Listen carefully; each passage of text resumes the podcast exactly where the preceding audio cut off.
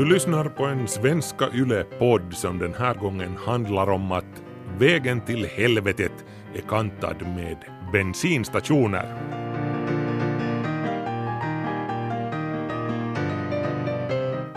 När vi talar idag så talar vi lite i skuggan av IPCC senaste rapport, den här internationella panelen för klimatförändring. Och de har då sagt att det verkligen inte lönar sig att hålla på som vi har tänkt tills vidare, att vi ska kunna hålla på och värma upp jordklotet två grader från vad det har varit liksom före industrin kom igång och började förorena, utan vi måste stanna vid en och en halv grad för den här skillnaden efter det är mycket större än vad vi hittills har trott. Det här är ju ganska dåliga nyheter. Ja, no, det här är ju på sätt och vis inte så hemskt mycket nytt. Alltså det här, den här tvågradersgränsen från, som man har tidigare talat om, så man har nog insett att också vid två grader kommer det att ske väldigt stora och hemska saker, men nu har man lite flyttat den här ribban så att säga neråt för att uh, vara på säkra sidan. Vet du. En och en halv grader Ja. Jo, jo, men du, du tittar på mig och ser väldigt tveksam ut här. För att du talar här nu vad vetenskapsmännen tänker, men jag talar här om vad politikerna har tänkt. Vi har ju Kyoto-avtalet där man har tänkt sig att två grader, det ska nog, det ska nog funka med två grader. Men, men det är nu liksom lite kall dusch i nacken på politikerna som hade hoppats att vi skulle så att säga komma undan med den här typen av anpassning. No, jo, men politikerna behöver kallduschar, let's face it. Och en kall dusch, det var exakt vad den här rapporten var. Alltså jag blev på riktigt själv kallsvettig när jag läste den här. För, för jag insåg att, att det här är på allvar nu. Alltså de här eh, konservativa, återhållsamma, eh, lite gråa, cirka hundra forskarna som ligger bakom den här eh, rapporten, de är vana vid att använda väldigt så här återhållsamt språkbruk och vara, vara väldigt försiktiga i sina uttalanden. Och de ska dessutom ta politikerna i beaktande och fråga dem att är det okej okay att vi formulerar det så här. Och, och, de ska, framförallt så ska de uh, ha konsensus innan de kan publicera den här rapporten. Och, och, och, det här språket som de använder i den här rapporten, det, det är riktigt brutalt alltså. Det, du kan mellan raderna läsa svordomarna.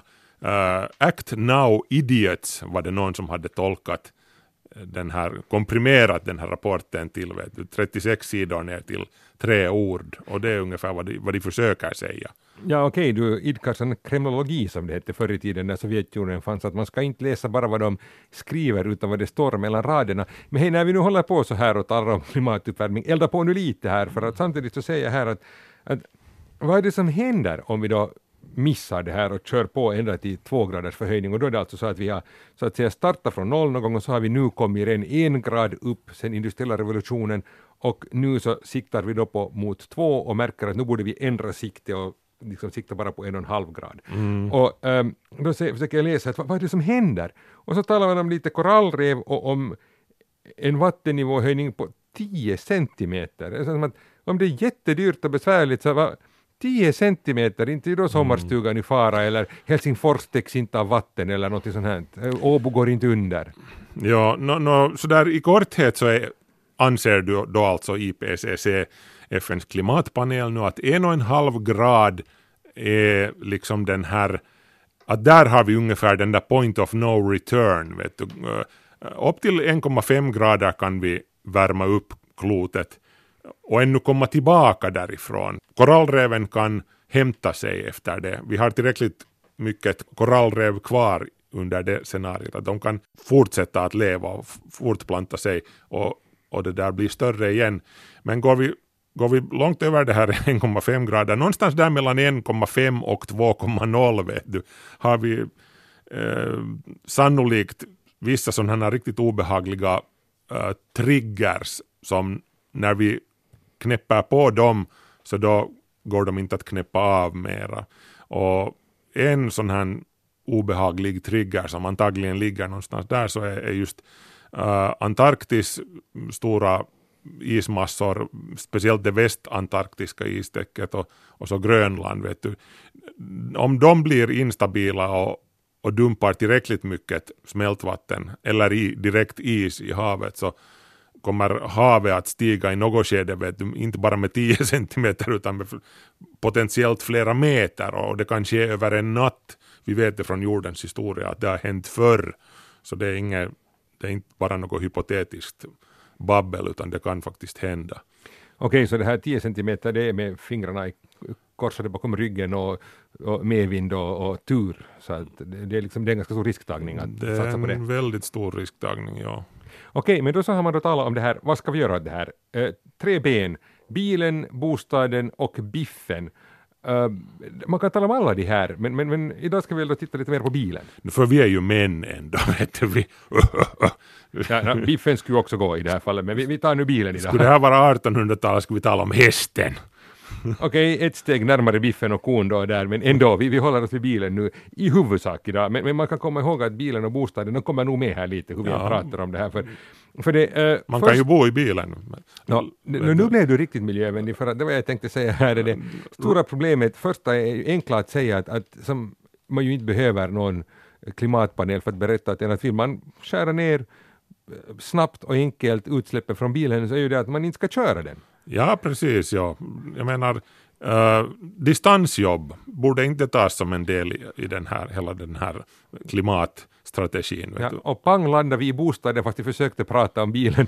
Är- man måste ju då bo i en bostad där man kan jobba eller sen så måste man kunna distansjobba eller så ska man bo då mycket närmare sin arbetsplats än vad man gör. Det blev plötsligt hemskt mycket mer komplicerat att lämna bilen hemma än att bara tala om bilen. No, ja, i och för sig, men jag, jag har nog alltid tyckt att distansjobb är mycket enklare än att komma hit. Man slipper alla möten och, och sånt här. Och, och vet du. Ja, det, det låter eh, förstås väldigt lockande. Å andra sidan sen så där hemma sen eh, tillsammans med barnen och, och alla andra som skriker, eventuellt har folk husdjur ännu som springer omkring och för oljud, så ska man mitt i allt det där Nå, ja, men- på och jobba, fixa sitt jobb och, och Ja. så vidare. Men okej, vi kan säkert vara, hålla med om att, att ingen bil är den allra me- mest miljövänliga bilen. Men hej, här kommer ju då två ben till i den här ekvationen, ja det kan vi hålla med om. Jag, jag sa här barnen, eh, du var ju nu när vi talade här inne på biblioteken här ännu. Ja, no, men jag tänkte mig en, ett, ett scenario där biblioteken utvidgar sin verksamhet till att erbjuda tjänster som, som eh, kontor vet du, för distans, distansjobbare som inte vill sitta hemma och, och ha ungarna skrikande omkring sig. Så de kan gå ner till Bibban och sitta i ett hörn där och knattra med sin laptop och så finns där kanske en printer som man kan använda och, och kanske något videokonferensutrymme och, och saker.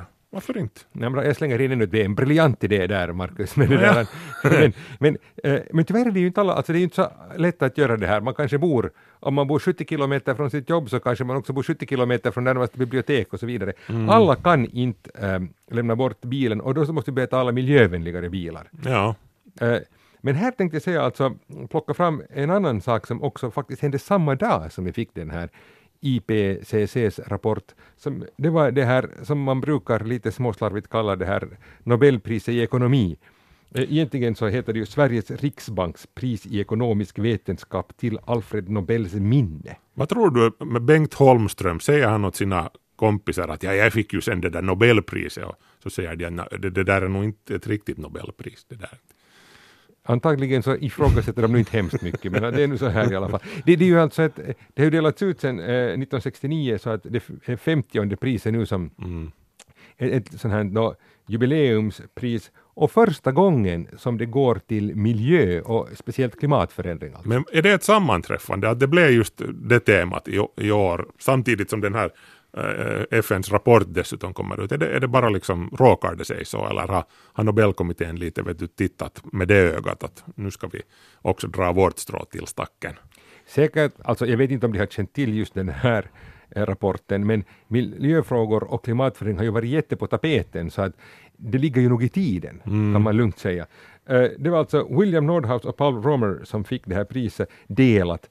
Eh, Paul Romer eh, har ju inte egentligen alls tänkt sig att han skulle gå in och, och förbättra miljön, men det har visat sig att lite i misstag så har hans idéer om hur tillväxt skapas varit väldigt nyttiga när man har tillämpat det här den här William Nordhaus idéer. Och William Nordhaus, han är en sån här riktig miljöekonom, pionjär. Trädkramare.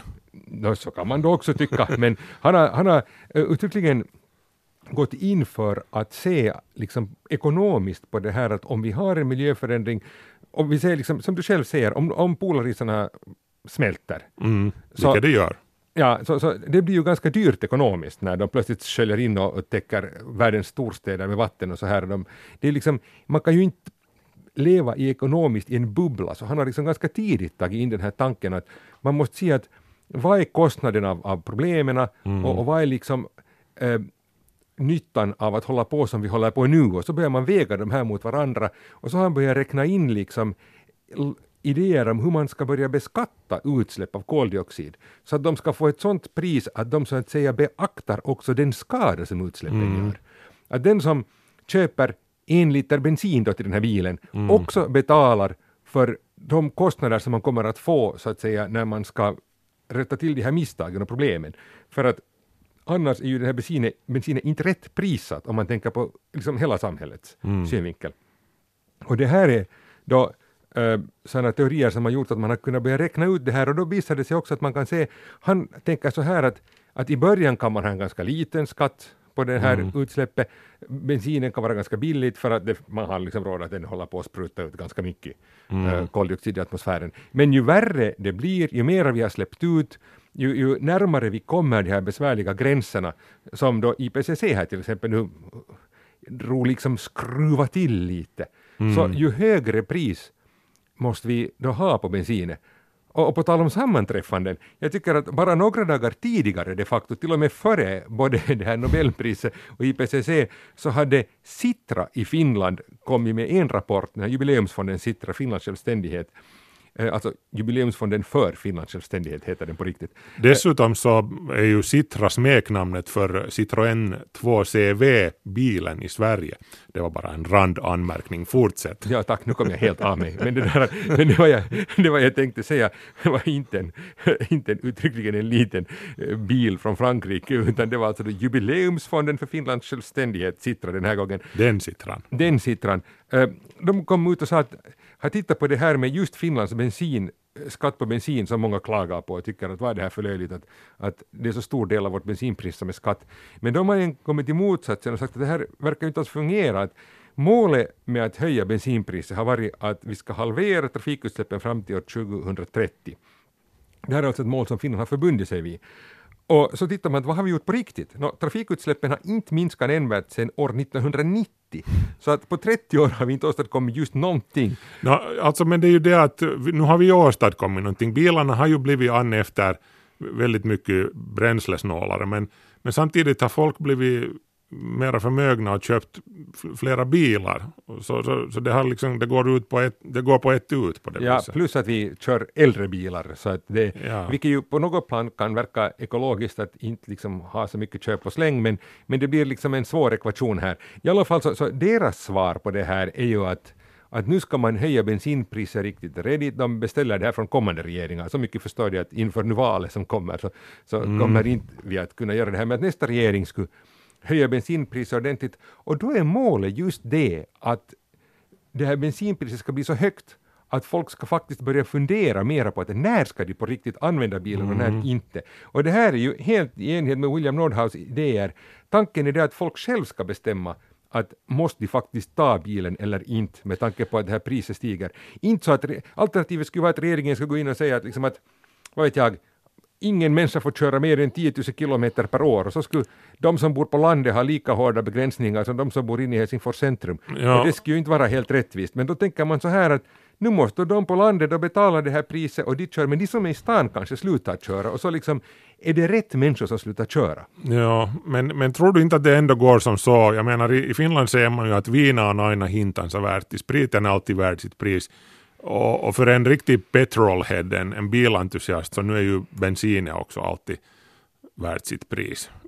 Man, man, då, då äter man fast inte den veckan. Men det är ju just det jag lite misstänker här. Alltså det, det, är ju inte bara det att folk kommer att svära, utan det är ju också det, om man bor äh, 70 kilometer från sin arbetsplats, om man liksom bor i glesbygden. Mm. Vilk, jag menar, faktum är att jag menar, Helsingfors är ju bara 500 000 människor ungefär. Mm. Så att, och, och också om vi tar att det bor flera i Storhelsingfors, så inte ens där bor alla nära av de här återstående fem miljonerna mm. i Finland. Inte ens där bor alla nära bra bussar, bra tåg, nära en station, nära en busshållplats.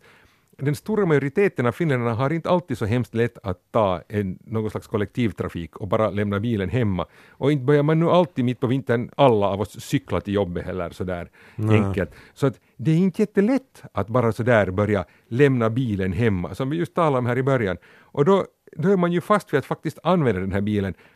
Eh, då kommer vi in på den här um, att vi borde byta bilar. Det här är något som Citra ju också efterlyser, att vi måste få liksom mm. i bruk de här mera miljövänliga bilarna. Ja, bilar behöver vi inte byta, men vi behöver byta drivmetoden. Vi behöver byta ut det här sättet som, som får den här bilen att röra på sig. Alltså bensinet, fossila bränslen är ju problemet här.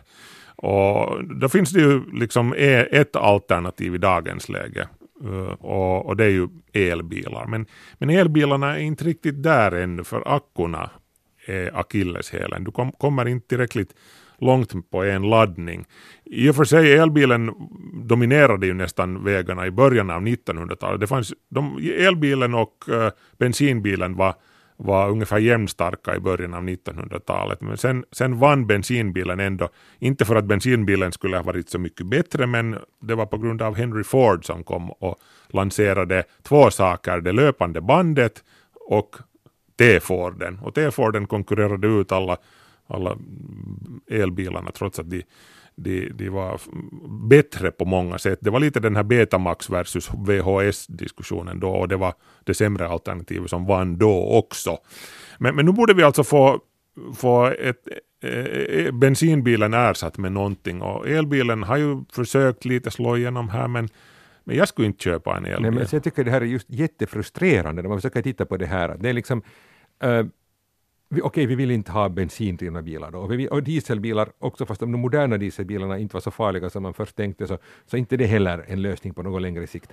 Så tänker vi då att okej, okay, naturgas, bra, men det är, också, det är bättre, men det är också ett fossilt bränsle. Mm. Och sen så uh, tänker man då fint elbilen, uh, nej, för att uh, nu går det åt en massa energi till att tillverka de här akkurna och till, uh, faktiskt så är det nu vilket ju i och för sig är bra, det är en efterfrågan på elbilar, men för tillfället klarar inte biltillverkarna ens att leverera de här elbilarna jättesnabbt för det är en sån brist på akkun för tillfället. Ja, och så, och, alltså akkurna innehåller ju alltså litium som är en, en metall som måste utvinnas och det skapar en massa koldioxidutsläpp och så. Vi, vi har talat om det här tidigare. Ja, det, det, det är frustrerande. Så säger man sådär att jaha, att ska jag nu köpa en sån nu eller eller också för att jag skulle ha råd alltså. eller ska man vänta liksom längre i framtiden? Mm. Och sen eh, vad finns det annat? Okej, okay, biobränslen, men, men där är det också så att det går nästan åt mer energi till att tillverka en liter biobränsle man får ut av det i tanken sen när man kör med den där bilen. Ja, och här går det väldigt långsamt, alltså 4 procent ungefär av, av bilarna som rullar på vägarna just nu uh, drivs av biobränslen och, och den, det ökar kanske med någon procent, en procent ungefär fram till år 2022. Så det går jättelångsamt och det är annars inte heller något, som du sa, det, det är inte något något värst vettigt alternativ. No, men alltså tack bara då William Nordhaus, nobelpristagare. Nu sitter vi då här med stigande priser och skatter på eh, bensin. Eh, och det, i teorin är det en jättebra idé, alltså, men i praktiken är det, jag menar, vi borde ju då gå över till någon slags bättre teknologi, men man ser ju inte riktigt vad är det jag ska gå och köpa. Vete ska du gå och köpa. Vete, det, det slog mig här att, att i Kalifornien till exempel, där har de redan kommit långt på den här, eller långt och långt, men i alla fall de, de har stakat ut den här vägen. De har, de har gått en, en tredje väg där. Uh, vad är det vanligaste grundämnet i hela världen? Och jag svarar ju redan på det, inte, inte bara i hela världen utan i hela universum. Det är nämligen vete, det finns överallt. Havet är fullt av vete, vet du, vanligt vatten är, är ju vete och syre. Och ta till, vet du, spjälk vatten och ta vetet tillvara och så kan du driva din bil med det. Du kan till och med i i teorin, eller inte bara i teorin, utan massor av människor har gjort det hemma i sina egna garage. I Danmark mm, har man till exempel sportat med det här, vet du, att man har uh, omvandlat sin gamla Saab eller Volvo till vetedrift. Du kan alltså spruta in vätgas i cylindern precis som du sprutar in bensinen så kan du köra med den där bilen. Uh, men tyvärr är det inte en värst bra lösning. Äh, uh, vete är väldigt farligt att handskas med för för vanliga garage meckare. Vet du. Det, vi kommer alla ihåg, vi kommer alla ihåg, du och jag. Absolut kommer vi alla ihåg. Vi var ju unga då när Hindenburg störtade och brann upp.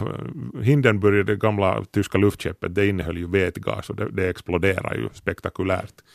Vilket... Ja, med en ganska dramatisk olycka. Ja. Just när den skulle landa i USA var det inte så? Ja, ja, det var precis så som det gick. Och, och så gick det åt skogen. Uh, där, men men, men det, där, det finns andra sätt att utnyttja vete som, som bränsle och, och där har kalifornierna då gjort, uh, utnyttjat en teknik som, som heter bränsleceller. Du ritar upp en, en, där, en, en skiss där av det. Du, du kommer ihåg att vi talade om det här redan i skolan, det här med bränsleceller. Ja, jag har faktiskt läst om bränsleceller redan i fysiken, så är det. ja. ja. Men, men, men, då tänkte jag ju att då tänkte man ju sig att ganska snart skulle alla ha en liten bränslecell i källaren och så skulle man ha solpaneler på taket. Jag har inte ännu det heller. Nej. Men i, Kalifornien har de då börjat bygga ett, ett nätverk av distribution för vätgas, för alltså en bränslecellsbil är en elbil i princip, där batteriet har ersatts med vätgas. Alltså det, du, det är inte batteri utan det är kemisk lagring av energin. Du, du tankar vätgas i, i bilens tank som måste vara ganska stor för vätgas är ganska skrymmande. Det, här, det har inte lika stor energitäthet som bensin. Men i alla fall, det, den här bilen har alla uh, elbilens fördelar. Den är tyst och, och vet du, den, den är miljö, framförallt miljövänlig. En, en bränslecell när den omvandlar vätgas till el så den enda avgasen som uppstår i den här processen så är, är vattenånga. Så, så det rinner vatten ur avgasröret bokstavligt talat. Alltså du kan sätta ett, ett glas under avgasröret och låta det droppa där och så kan du dricka det som sådant. Det är fullständigt tryggt. Och, och den, här, den här tekniken har de uh, jobbat på hårt i, i, i Kalifornien. Ja, ja, hur, långt, hur långt har man kommit med det här? Alltså finns sådana bilar på riktigt? Jo, jo, det finns. Honda har en modell, det finns uh, vad det någon av de här koreanska tillverkarna har. Och det, det, finns nog modeller till salu. De kommer naturligtvis aldrig till Finland för vi har ju inte ett distributionsnätverk för, för vätgas här. Du kan köpa en sån och importera den från Japan men så, så står du där med den och du har ingenstans att tanka. Men, men det bara en, handlar ju om, om att bygga upp den där infrastrukturen bara och bara säger jag ju. Men, men att i, i Kalifornien jobbar de på det. Och i, i Japan inför OS i Tokyo 2000, vad blir det 2020 nu som, som det ska vara OS där så, så, så de, de har, ja, japanerna har alltså ett program, de, de, de tänker försöka lansera den här uh, vätgasbilen stort där på samma sätt som man uh, lanserade Shinkansen uh, snabbtåget inför OS var det 1964 så, så, så de tänker använda OS till att flagga hårt för det här. De har investerat i en flottilj av, av bränslecellsdrivna taxin och, och de har byggt eh, tankningsstationer etc. etc. Så.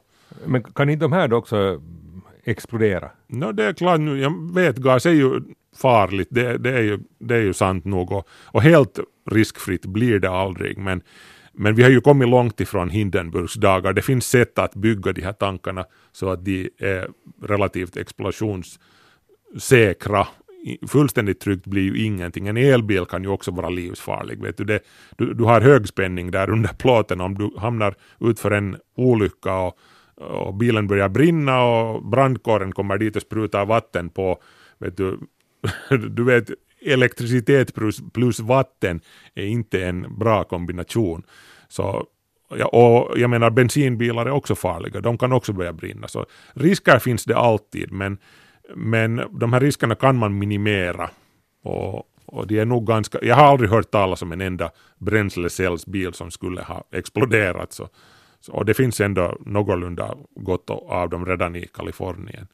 Men det som jag tycker låter så bra med det här är det ju att det som är så frustrerande med de här äh, ackumulatorbilarna då, eller bilarna, de som vi nu talar som elbilar, ja. är att det går ju hela tiden till spillo en massa, så det är ju jättesvårt. Vi har Um, och tänk till exempel Finland då, som ett land. Alltså vi har, det finns en begränsad mängd hur mycket man kan lagra. Vi, har, vi skulle kunna uh, i princip på sommaren säkert köra massor med elbilar med hjälp av solkraft. Vi skulle ha en massa solpaneler och sen så skulle vi då lagra den här då energin i akkun i teorin, men, men så hålls den inte där så bra, så att sen när det blir mid, midvinter så kommer vi inte åt den. Men skulle vi kunna alltså spara det här vetet? Skulle vi kunna göra vete hela sommaren och sen så sitta och ladda det i våra bilar på vintern sen och köra? Ja, alltså eh, problemet med vind och sol har ju alltid varit det att var ska vi lagra den där energin som för, för, för, för sen när det inte blåser eller sen när solen inte skiner, hur ska vi kunna lagra den här energin så att vi har, kan använda den sen? Det här veteekonomin skulle vara en perfekt lösning på det här. Du, du kan ha vindkraftverket eller solkraftverket att, att uh, spjälka havsvatten till syre och vete, så tar du vetet tillvara, uh, äh, transporterar det med finsk tillverkade uh, äh, sådana här uh, gascontainerfartyg. Det är ju vår mammas gata den här teknologin alltså. Och vi kunde till exempel bygga ut solpaneler i Saharaöknen. Vet du. Det har räknats ut att en yta på cirka vet du, Belgiens storlek. Eh, det har säkert, behövs säkert en lite större yta nu. Det här var exemplet var väl från 90-talet eller någonting skulle behövas för att täcka hela världens energibehov. Och en del av de här panelerna kunde man ha och spjälka uh, vatten till vete och, och sen kunde man distribuera det över världen och, och köra med det sen där. Uh, det här är alltså hela världens energibehov? Ja, jo, jo. Det, det är inte stor, alltså, solen är ju en eländigt stor fusionsreaktor i skyn. Det är ju, den är ju, drivs ju på vete. Sol, solenergi är veteenergi. Så, och det är en väldigt effektiv energiproduktionsmetod. Så vi, varför inte använda den när vi en gång har den där? Hej men Markus, nu, nu slår vi lite på större. Du sa att, att Belgien, vi säger att Belgien är lite litet, men vi tar ett lite större land. Vad sa vi, alltså de tre problemen var bostaden, biffen och bilen, eller vilken ordning de nu kom? No, tre ben. Ja, okay. ja. No, nu föreslår jag då som lösningen 3S som lösningen på världens energiproblem. Sipilä, Soini Stubb. Ja, det är fint Markus, det, det är bra i Finland det där, men, men, eh, men nu tänkte jag inte liksom så lita på de här tre politikerna för att lösa hela världens energiproblem, utan jag tänkte på mera äh, ett Schweiz av solpaneler i Sahara. Och Sahara är då inte den här idrottsplanen i Grankulla nu. Nej, vi talar alltid om Grankulla. Ja, ja. Nej, tyvärr räcker inte den. Den är också, har ju fått sitt namn av att den också är varm och solen skiner där. Men, mm. men nu tänkte jag faktiskt på öknen men kanske kunde, man bygga, Afrika. kanske kunde man bygga solpaneler i Sahara i Grankulla också så skulle man slippa skoljumpan där. I, där Hej, det här är, vänta jag skriver upp det här nu, det är ett projekt som vi ska bedriva. Det där, men alltså, i alla fall, alltså det, menar, Schweiz är ju då lite större än Belgien. Mm. Vi får nästan 25 procent till liksom då. Eller liksom, ska vi säga så här, ja, alltså, alltså det är ju då Belgien är ungefär uh, mm. tre fjärdedelar av Schweiz. Så vi får liksom... Ja, ja. Så, lite inflationsmån vet du där. Ja, när, när du sa att det var 90-tal, så vi tar här, det, det räcker för att lösa hela världens energiproblem. Alltså ja. det är den storleken. No, sen, alltså okej, okay, alla behöver ju inte byggas i Sahara, man måste ju förstå då att, att de kan byggas på olika håll. Men alltså det, här, det här är storleksordningen. Så här löser vi hela världens energiproblem och så den energi som vi inte kan därifrån dra med elledningar dit vi vill ha den, så den kan vi transportera som vete. Ja, no, vi har löst det här på en halvtimme och så säger de ännu att det här är ett svårt problem. Vet du, Jättesvår anpassning krävde det här av oss. Ja, det, det är så här, och här är allting. Ja, där, Besser och Visser. Nästa! ja. Vilken planet ska vi lösa nästa gång? Eh, Ven, Venus, det, de har det inte lätt där. Vet du. Det är 400 grader i skuggan på eftermiddagen och pölar av smält bly och regnar svavelsyra. Det är eländigt. Åk inte dit på semester. Nej, no, några program så har vi nog en semesterort där också. Säkert.